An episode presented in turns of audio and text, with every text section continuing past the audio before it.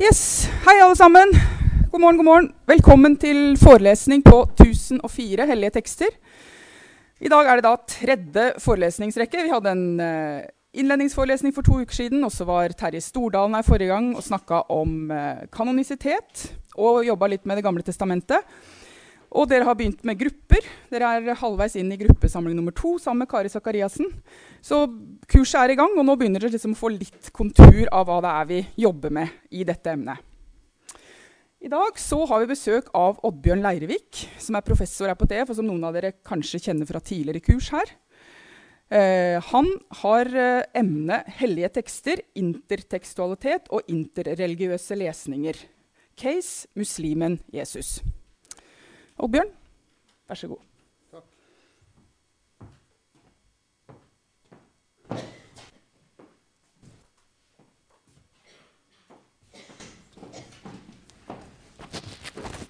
Der var det lyd. Ja. Ja, fint å kunne komme og forelese for dere igjen. Jeg hadde jo en del forelesninger for mange av dere i forrige semester på det flerreligiøse Norge. Nå skal jeg altså ha en dobbelttime i dag og en enkelttime lenger ut i semesteret. Pluss at jeg også skal ha en runde i gruppene. Der vi skal lese oss gjennom en del korantekster. Marianne har allerede introdusert uh, temaet. Jeg har lånt en figur fra Mariannes første forelesning. Bare for å plasserer det perspektivet som uh, vi skal ta for oss i dag. Det som kalles resepsjonshistoria. Rundingen uh, nederst. Som Marianne har uh, relatert til det å kalle felles fortellingsgods. Og Det er et viktig perspektiv på de abrahamittiske skriftene, altså den hebraiske bibelen, den jødiske Talmud, Det nye testamentet og Koranen at jeg har en felles stamme av fortellinger, f.eks. For om Abraham og hans familie, om Moses, om eh, Jesus og mange andre. Og alle disse skikkelsene skifter litt karakter eh, etter hvert som det leses på ny og på ny, og etter hvert som fortellingene eh, leve sitt liv på tvers av det som kan tenkes å ha vært opphavet til dette felles fortellingsgodset. Så Det var Marianne sin figur. Eh, jeg har også en figur som jeg bruker å trekke fram når, eh, når det er spørsmål om eh, hvordan en trekker mening ut av en tekst som blir regna for å være hellig, eller det gjelder jo tekster generelt. Bare en liten refleksjon omkring det før vi går videre mer direkte til, til dagens tema.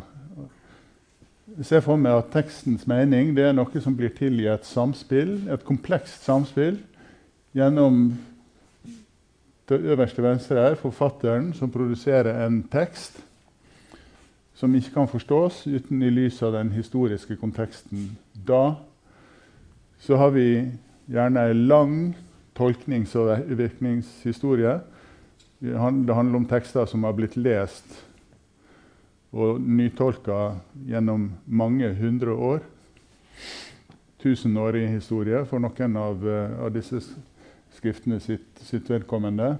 Og når vi leser disse skriftene i dag, så er det vanskelig å fri seg fra denne tunge La oss kalle det resepsjonshistoria. Eller som, som jeg sier, tolknings- og virkningshistoria, som ligger mellom oss og tekstene, og som preger hvordan vi leser disse tekstene i dag.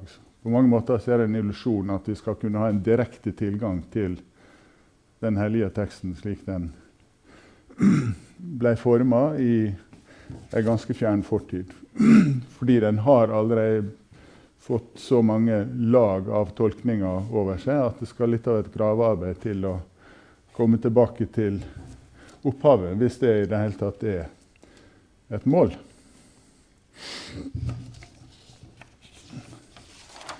Jeg har lyst til å peke på at i uh, islamsk tolkningstradisjon så fins det uh, en tidlig erkjenning av dette. At Koranen i dette tilfellet ikke taler av seg sjøl. Koranen får bare mening i det øyeblikk den blir tolka. Dette er et utsagn som er tillagt Imam Ali, altså sjiamuslimene sin stamfar. Eh, konteksten, konteksten da er fare for borgerkrig mellom ulike islamske fraksjoner. Og så er det da slik at uh, mennene til Muawiyah, som ble den sunnimuslimske hovedopponenten til uh, Alis parti, foreslår at en skal la Koranen dømme mellom de stridende partene. Det er Ali med på. Men som han sier, vi har ikke gitt menn forhandlingsoppgaven. Nei, vår forhandler er Koranen. Denne Koranen er skrift som finnes mellom to permer. Den taler ikke selv med en tunge, men trenger noen som kan tyde den, og det er folk som taler for den. Dette gjelder jo helt tilsvarende for Bibelen. Verken Bibelen eller Koranen taler for seg sjøl. Det hjelper ikke å ta Koranen og legge den til øret. Den taler ikke. Den er avhengig av folk som taler for, for seg. Det er henta fra de sjiamuslimske hadith-samlingene. Eh, Den åndfulle vei. Nash ul-Balara. Det handler altså om hvordan en får uh, Hele dette kurset handler om hvordan en får mening ut av tekster, og i vårt tilfelle da hellige tekster. Dette er slik det er formulert i emnebeskrivelsen for 1004. At det legger vekt på et emnet legger vekt på et samspill av tre ulike perspektiv. Dette har sikkert Marianne gått gjennom med dere, men jeg tar det igjen. Eh, i dag at vi, For det første så ser vi på fenomenet hellig tekst og retter søkelys mot ulike tekster og deres tilblivelseshistorie. Men så det andre perspektivet, som er like viktig, altså ikke bare tilblivelseshistoria, men vi utforsker også resepsjonshistoria og ser på tekster som er og har vært sentrale innenfor kunst, samfunnsliv, kultur og trossamfunn i vår del av verden, og med noen utblikk. Og Litt lenger nede så står det enda noe om resepsjonshistorie. At tekstene har kontinuerlig blitt lest, forstått og brukt i stadig nye situasjoner. Og Det tredje perspektivet er altså at vi tar for oss tekster som representerer felles fortellingsgods, og vi ser på hvordan tekster kan leses fra et interreligiøst perspektiv. Så I dag så skal det etter hvert handle om hvordan Jesusskikkelsen som er antyda, blir tatt imot, fortolka innenfor et, et, nytt religiøst univers i forhold til uh, det jødisk kristne, nemlig det islamske. Den islamske resepsjonen av Jesus, kan vi si. Og når vi skal jobbe med det, så gir det jo seg sjøl at da jobber vi i et interreligiøst perspektiv med tekster som har med Jesus å gjøre. Så har vi begrepet intertekstualitet, som også står i overskrifta for denne forelesninga. Jeg vet ikke hvor fortrolig dere er med det begrepet. Men det handler altså om, når vi snakker om intertekstualitet, så er det henvisning til at tekster kommenterer og spiller på hverandre. Det gjelder tekster innenfor det, det, gamle testamentet, innenfor Det nye testamentet, innenfor Talmud, innenfor Koranen, men også mellom disse. Så, så handler det om tekster som er i spill, og kommenterer hverandre, somme tider på polemiske måter. Fortellinger, forestillinger, begrep blir transponert. Det er jo et musikkvitenskapelig eh, begrep. At en transponerer et musikkstykke fra én toneart til en annen. Og det begrepet brukes ofte uh, også i, i, sammenheng med intertekstualitet. At disse, det felles fortellingsgodset blir transponert fra et litterært univers til et annet, og at det da får ny mening i den nye konteksten. Og, og Kroneksempelet her er jo Abraham og hans familie. Med fortellinger som stadig blir lest på ny og gitt ny mening. Og Det vet jeg skal være tema for kommende forelesning, så det skal ikke jeg gå, gå inn på i dag.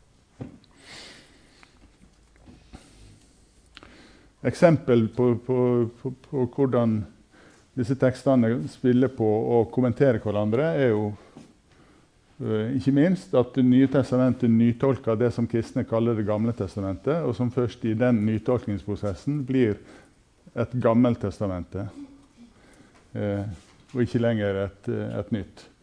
Og Særlig Matteusevangeliet er veldig eksplisitt på, på, dette punktet, med et, et Eh, omkved, nærmest, et refreng som går igjen, uh, går igjen, i hele evangeliet, at slik skulle det ordet oppfylles som Herren hadde talt ved profeten. Hvis det skjer noe betydningsfullt i evangeliet, så er det en oppfylling av en nylest profeti fra Det gamle testamentet, som nettopp i denne prosessen blir et gammelt testamente som trumfes av, uh, av et nytt. Når det gjelder Koranen, så har jo den fordelen av å komme relativt seint i resepsjonshistoria, så Koranen kan uh, gjenfortelle og nytolke både Det, det gamle testamentet, Det nye testamentet, uh, den jødiske Talmud, og, som vi skal se eksempel på, den tar opp og nytolker også tidligkristne apokryfe skrifter. Det dreier seg ikke bare om Det nye testamentet eh, i dette tilfellet, men f.eks. Eh, er mange barndomsevangelier som vi finner tidlig, i tidlig kristen tid, og som Koranen tar opp og, og gir en ny fortolkning. I denne prosessen er det et polemisk element, som jeg antyder. Og hvis vi leser Koranen, så ser vi stadig et hint om, eller somme tider anklage også, at både jødene og de kristne har forvridd budskapen, det budskapet som de opprinnelig fikk fra, fra, Gud. Den tekniske termen for dette er tahrif, eh, et begrep som betyr å, å vri på. Det har forvridd Jødene og de kristne har forvridd den opprinnelige øh, meninga.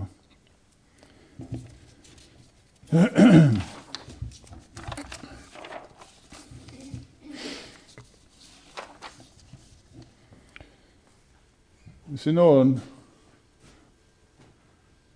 Skal vi se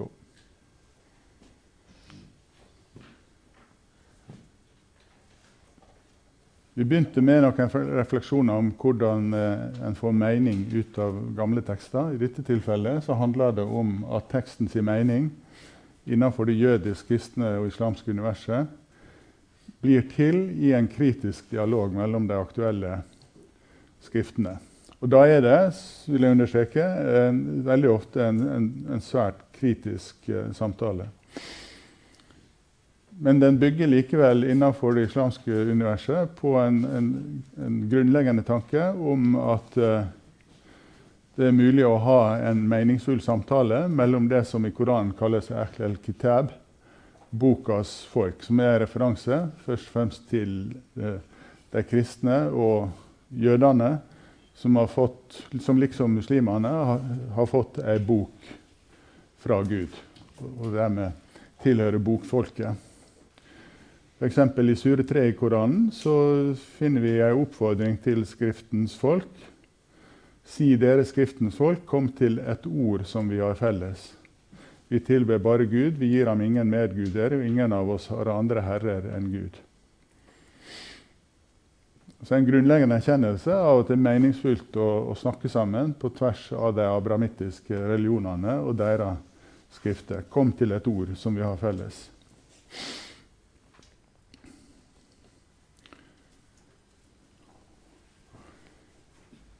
Flere uttrykk for, for det samme.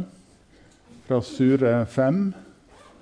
Sure 5 er jo en av de tekstene som er kildetekster på pensum på dette kurset. bare for å minne om det. Der står det bl.a. i eh, en passasje som, som, handler om forholdet mellom jødedom, kristendom og islam, eh, at vi lot Jesus, Marias sønn, følge i profetenes spor for å stadfeste Moseloven, eller Taurat, som var før han, og vi ga ham evangeliet, el Injil, med ledelse og lys for å stadfeste det som forelå før det i loven, og som ledelse og formaning for de gudfryktige. Så Her er det en underliggende tanke om at evangeliet bygger på Moselova, som evangeliet da er tenkt å, å bekrefte. Eh, ikke ukritisk, men i analogi med hvordan en forstår Koranen sitt forhold til Moselova og evangeliet. Eh, fra sure 2 i måneden ramadan, hvor i Koranen, el Koran altså, blir åpenbart som ledelse for menneskene, som ledelsens klare ord og som kriterium for vrangt og rett. Det er den siste setninga som er poenget her. Måte, og Det gir også Koranen uttrykk for at evangeliet bekrefter ikke Moselova ukritisk. Det er en, en, kritisk resepsjon. Bekreftende, men, men kritisk. Og, så tenker en da, helt i analogi om Koranen sitt forhold til både evangeliet og Moselova at det er en, en bekreftende, men kritisk eh, resepsjon. Gir det mening?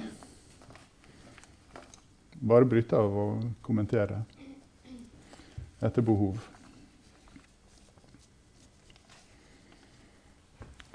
Snakka om polemisk eh, intertekstualitet i stad. Altså når Koranen hele tida framstiller seg sjøl som kriteriet, eller forkan, så er det jo fristende, i, som det også har blitt gjort i nyere tid, å, å henge opp slagord som dette på eh, I dette tilfellet den, den, største moskeen i Birmingham. Les Koranen, det siste testamentet. Vi har det gamle spillet mellom de kristne og jødene om hva som er det gamle og hva som er det nye testamentet. Muslimene vil da selvfølgelig si les heller det siste testamentet. Uh, slagordet ble funnet opp av uh, en sørafrikansk eh, forkynner med polemisk tilsnitt som heter Ahmed Didat. Kanskje noen av dere har, har hørt om han.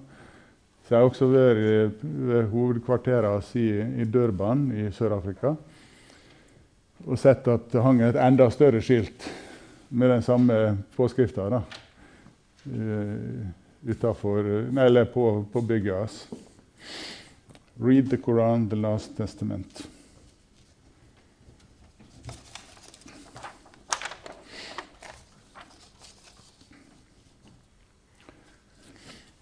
Da skal vi gå videre og reflektere litt over eh, evangeliebegrepet.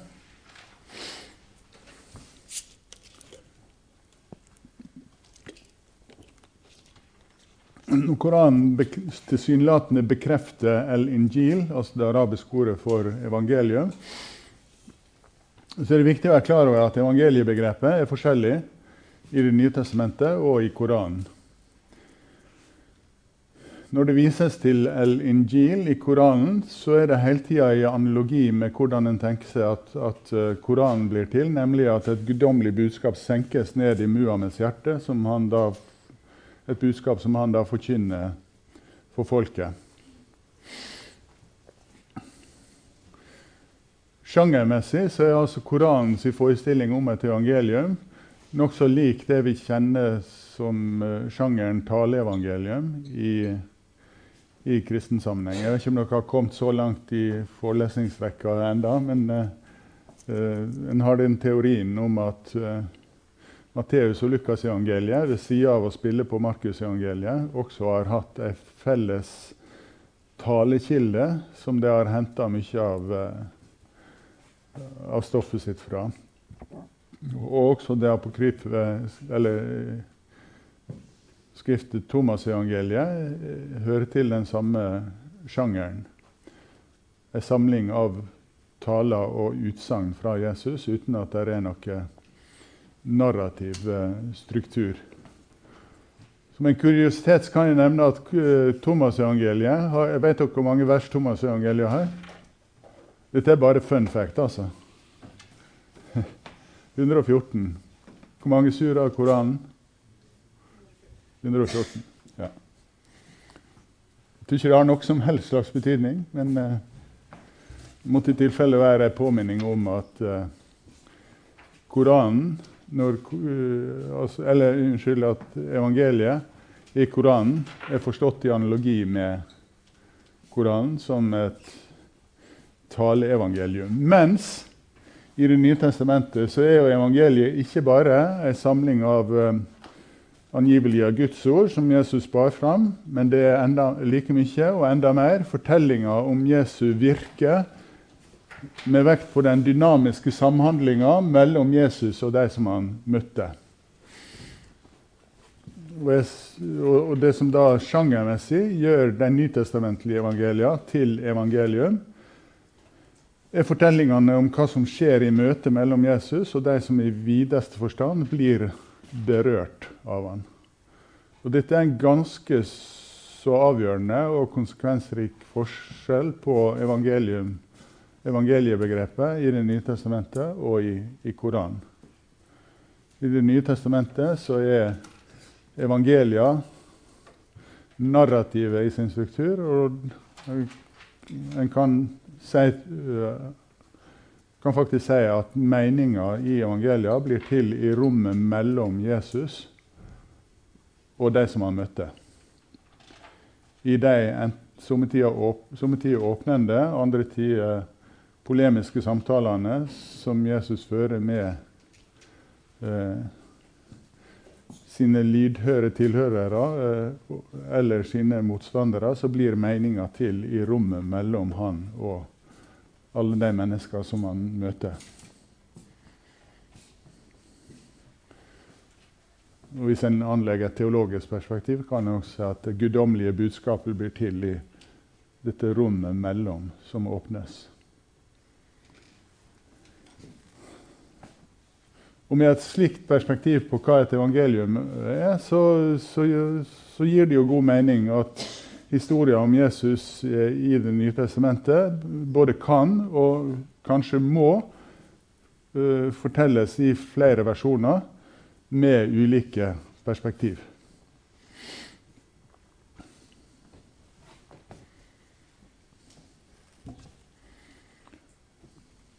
Kommentarer?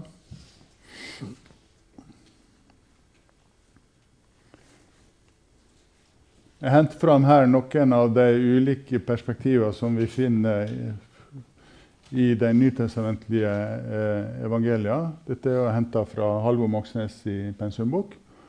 Uh, Halvor uh, leser evangelia i Det nye testamentet langt på vei som biografier, som gir fem ulike portretter av Jesus. Markusevangeliet, så møter vi den lidende Jesus. og en flokk med disipler som hele tida har vanskelig for å forstå hva Jesus sier, f.eks. hvorfor han må lide og dø. Så har vi da det før nevnte og hypotetiske taleevangeliet Q. Q for 'kvelde' på tysk. Kilde. Der vi, sier Halvor, oppsummerende, møter den heimløse menneskesønnen Matteusevangeliet tegner et portrett av en lærer som Moses. Og med stadige referanser, eksplisitte referanser til den jødiske bibelen. Lukas framstiller Jesus som den sentrale personen i det han kaller Gudsrikes økonomi. Et fellesskap som er bygd på helt andre normer enn en den urettferdige samfunnsstrukturen som, som disse fellesskapene bygges innenfor som en protest mot storsamfunnet sin urettferdighet.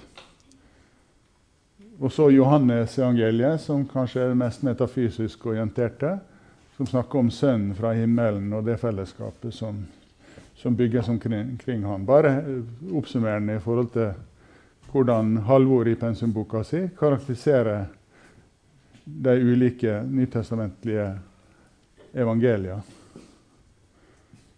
Og da er ikke poenget hvem av disse er det som gir et sannest bilde av Jesus. Sanne bilder av Jesus ligger en plass mellom disse evangeliene, antagelig. Og måten de blir lest på. Vil ikke det sanne bildet av Jesus også være litt individuelt på hvordan man tolker? Jo, definitivt. Så dette er jo et Halvor sitt forsøk på å lese evangeliet som biografier. ikke sant? Da kan en oppsummere det på denne måten. den som du sier, mellom oss og, og disse tidligkristne biografiene så ligger det mange hundre år med tolknings- og virkningshistorie som er med på å bestemme hvordan vi leser disse tekstene.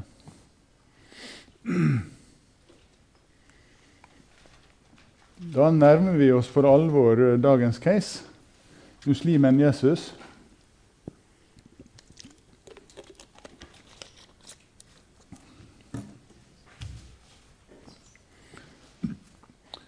siterer meg sjøl her fra pensumartikkelen med samme tittel. Som etterkristen religion har islam også sitt eget selvstendig utforma Jesusbilde, forma i dialog og konfrontasjon med kristne bilder av Jesus Kristus.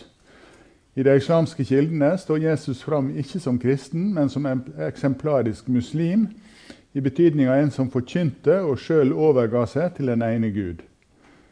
Og som den nest siste profeten før Muhammed står han i ei lang profetrekke tilbake til mellom andre Moses og Abraham. Her er det ei lang resepsjonshistorie. Jesus som jøde, Jesus som kristen, Jesus som muslim. Men historia slutter jo ikke der. Jeg mener, I dag så kan vi lett finne bilder av Jesus som uh, humanist. Innenfor den liberale teologien i, i kristen tradisjon så kan det være en ganske saksvarende karakteristikk av hvordan, hvordan Jesus blir framstilt. Kanskje kan vi si det sånn Jesus blir født, og, og, han dør som jøde. Han står opp igjen som kristen, og han kommer igjen som muslim. Eller som humanist. Alt etter hvem du ønsker at han skal være.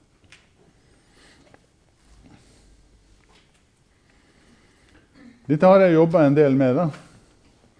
Bare Siden vi har hatt boklansering her i dag, så kan jeg jo løfte fram ei bok som, som, jeg har skrevet, også, som heter da 'Images of Jesus Christ in Islam'. Og Pensumartikkelen er et, et sammendrag av denne boka, egentlig. Hvis noen har lyst til å jobbe mer med muslimen Jesus, så har jeg noen bøker som dere kan få kjøpe for en billig penge. Bare nevne det.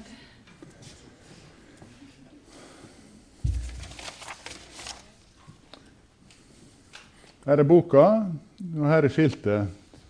Jeg viste fram bilder fra moskeen i Birmingham i stad. 'Read the Last Testament'. Her er en uh, plakat fra en kampanje i Ohio for bare et par år siden. 'Jesus is Muslim. Yes, we used the present tense.' Seek the truth, the truth at askamuslim.com. Så det er konkurranse om denne mannen. Populær fyr, tilsynelatende.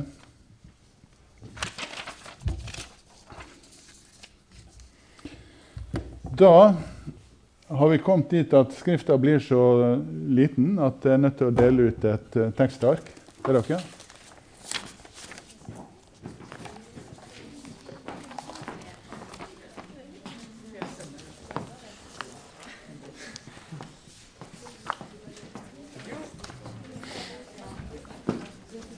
Vær så god.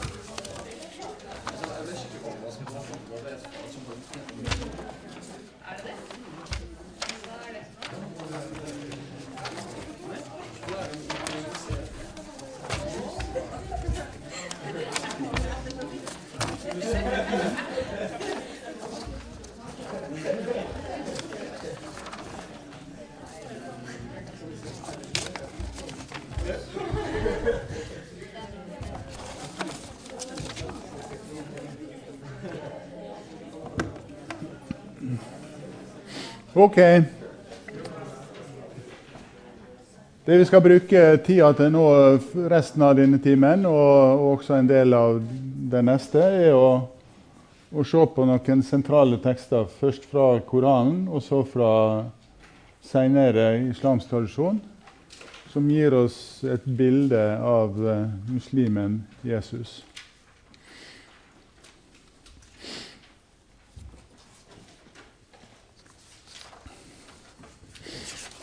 Vi begynner altså med den sida av arket der det står 'Jesus som muslim', tekster. Det første vi kan merke oss, er at uh, Jesus på arabisk er Isa, og at også Koranen, på linje med Det nye testamentet, kaller Jesus for Kristus el-Mesih på arabisk. De fleste ordene om Jesus i Koranen er fra den delen av Koranen som eh, tilordnes eh, Mekka-perioden av eh, Muhammeds profetkarriere. Og da ofte med et litt polemisk tilsnitt overfor det kristne bildet av Jesus. Men hvis vi ser på de tidligste tekstene om Jesus i Koranen fra Mekka-perioden Dette er en avgjørende distinksjon i koranfortolkninga helt fra den første koraneksegesen, at en prøver å, å, tilordne de ulike surene eller versene i Koranen til enten Mekka-perioden eller Medina-perioden. Mekka-perioden eh, Da er Muhammed fortsatt eh, i opposisjon og til dels forfulgt, forfulgt av sine stammefrender i Mekka. Så må han emigrere til Medina, som dere sikkert vet, der han bygger opp det første muslimske fellesskapet, og, og der storparten av uh, Koranen blir åpenbart for han.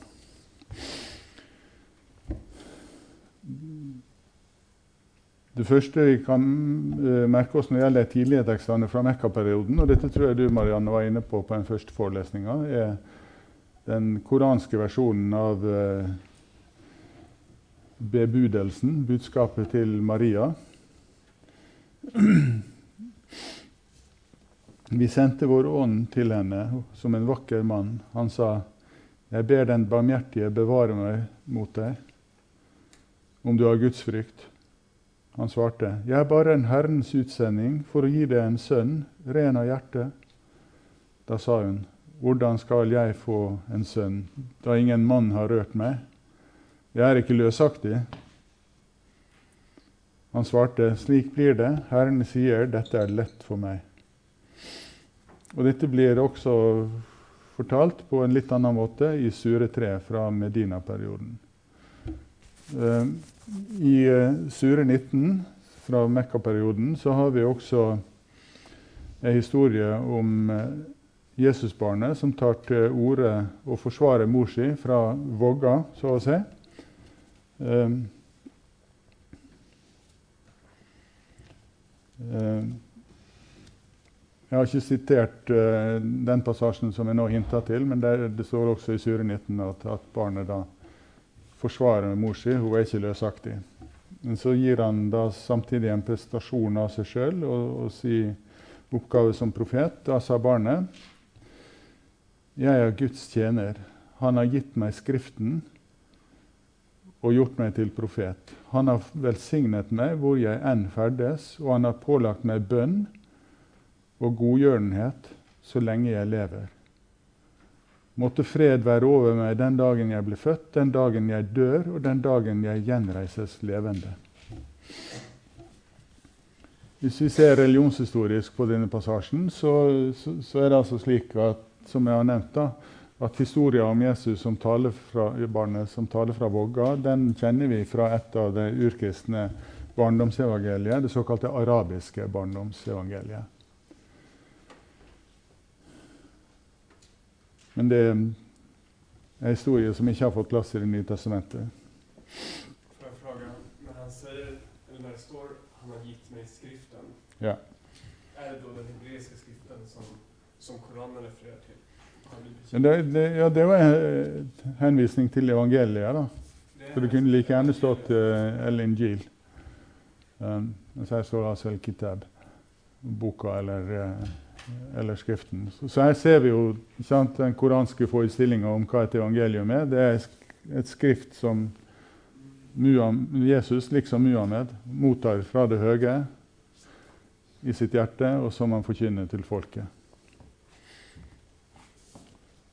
Det er også andre eh, element i, eh, i det som jeg leste nå, som, som tegner et bilde av Jesus som eksemplarisk muslim. Hva er det?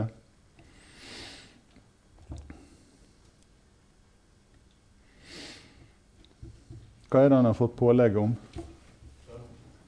Ja, ikke sant? Og da er det den tekniske termen salah eh, det handler om, altså tidebønn. Og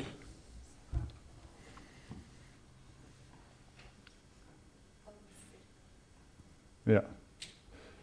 Sakka, som her er oversatt med godgjørenhet, eller almisse.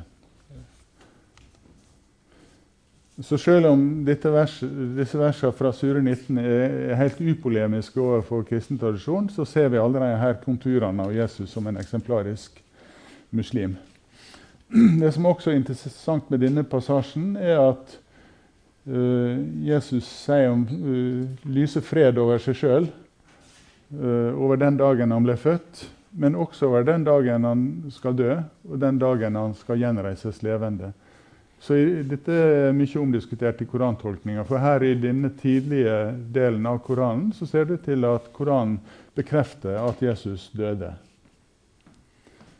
Som vi skal se, så stiller senere del av Koranen spørsmålstegn ved akkurat det. Men eh, etter min mening så er Koranen ikke entydig på dette punktet.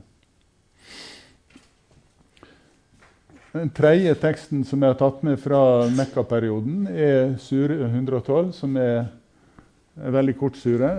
Den er som det står her, i sin helhet. Si Han er Gud, én, den evigvarende. Ikke har han avlet noen, ei heller har han selv blitt avlet. Ingen er hans like. Her er det nærliggende å tenke at nå har Koranen allerede begynt å polemisere mot kristne forestillinger, nemlig at, at Gud skulle ha en sønn. Men hvis vi leser dette verset i sin historiske kontekst, så har det antagelig ingenting med mot, nei, polemikk mot kristendommen å gjøre. Snarere så er det en kritikk av uh, førislamske forestillinger på den arabiske halvøya om guddommelige familier. Det var forestillinger som det åpenbart var mange av. Så her har jeg en uh, god illustrasjon på forskjellen mellom opp, opphavskonteksten og resepsjonen av, av, den teksten det her handler om. Opphavssituasjonen eh, er en polemikk mot arabisk flerguderi. Mens resepsjonen av dette verset er at det brukes som en kritikk av kristne forestillinger om Jesus som Guds sønn. Okay?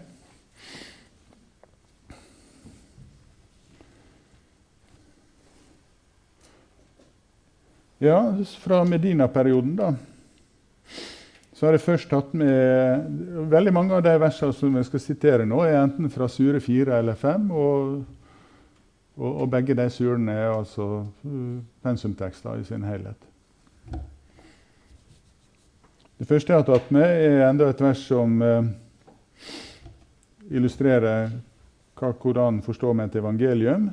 Vi, altså den det majestetiske vi, Gud, gav han, Jesus, evangeliet eller Injil, med ledelse og lys, for å stadfeste det som forelå, det før i loven, og som ledelse og formaning for de gudfryktige.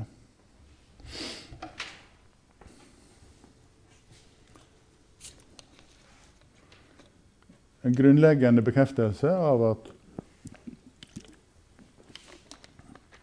evangeliet som Jesus forkynner, er fra Gud. Det neste trekket som er framhevet her, når det gjelder det bildet Koranen tegner av Jesus, er det jeg har gitt overskrift av 'Mirakelmannen'. Da har jeg for det første tatt med et vers som lyder slik.: Jeg vil forme for dere fugl av leire og blåse på det, og det vil ved Guds samtykke bli levende fugl. Dette er en gammel uh, mirakelhistorie som vi kjenner fra det urkristne Thomas' barndomsevangelium. Så Det er ikke noe ukjent uh, historie, men den, den, er ikke i Det nye testamentet. Derimot så henter Koranen den opp fra et av de apokryfe barndomsevangeliene. Som tegner et bilde av Jesus som mirakelmann allerede når han var liten. Så har vi også et omkved nærmest. I hvert fall så har vi en identisk formulering både i sure 3 og sure 5, der Jesus sier at 'jeg vil med Guds samtykke helbrede blinde og spedalske', og 'jeg vil oppvekke døde'. Og Litt seinere skal vi se hvordan uh, denne, dette bildet av, av, Jesus som mirakelmann uh, utfoldes i seinere fortellingstradisjon på islamsk mark.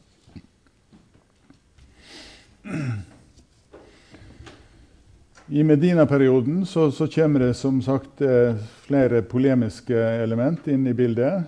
Eh, ikke polemikk mot Jesus, men polemikk mot hvordan de kristne eh, tenker om Jesus. F.eks. når det gjelder Eller ikke helt sentralt når det gjelder synet på korsfestelsen så, så sies det altså i Koranen i fjerde, den fjerde suren at de drepte han ikke. Så De gir her en referanse til jødene. Jødene drepte han ikke. Og de korsfestet ham ikke, men det fortonet seg slik for dem. De som er uenige om ham, er i tvil med hensyn til dette. De har ingen kunnskap om det, men følger formodninger. Dette er også vanskelig å forstå, og det står i en spenning til det verset vi har sett tidligere, der Jesus viser til den dagen han skal dø. Her dør han tilsynelatende ikke, det bare fortonte seg slik for de som så på. Og Her har det utvikla seg en, eh, en, rik fortolkningstradisjon, der en har prøvd å få mening ut av dette nokså dunkle verset.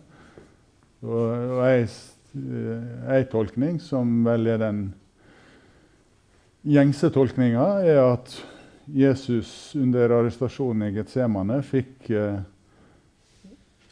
Judas sin likhet, heter det, kasta på seg.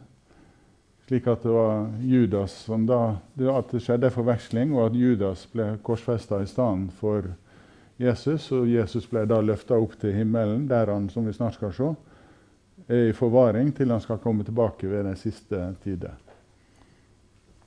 Så Da finner en også en løsning på referansen til 'den dagen jeg dør' i Sure 19. For da viser det til Jesu død etter at han har kommet igjen eh, ved de siste tider, og så dør og blir gravlagt sammen med Muhammed i Medina, som det da heter i denne fortolkningsrekka.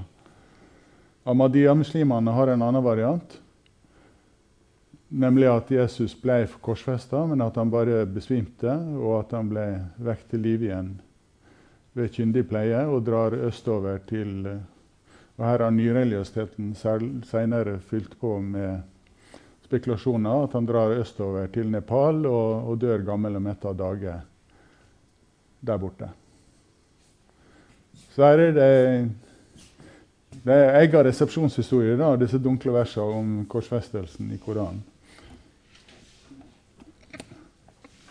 Ja. Det kan være passe å ta en pause der.